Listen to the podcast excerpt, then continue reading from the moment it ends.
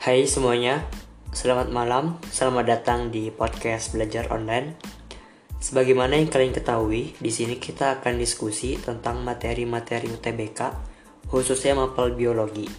Kenapa biologi? Ya kalian tahu sendiri, nggak lucu juga kalau kita ngebahas MTK, apalagi fisika dalam bentuk podcast gini. well, oh ya, disclaimer, aku bikin podcast gini bukan berarti aku orang yang expert di bidang ini ya even ada kata maha di depan status siswa aku, aku benar-benar sama kayak kalian, hanya seorang pelajar biasa yang harus belajar, belajar, belajar, dan belajar. Oke, langsung aja. Cuma mau bilang, semoga kalian bisa ngambil manfaat dari podcast ini.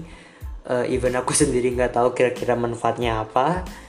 Uh, oh iya, buat kalian yang mau nyatet, jangan lupa siapa yang ada tulisnya dari sekarang, oke? Okay? Hmm, BTW udah pada tahu kan materi kita malam ini apa?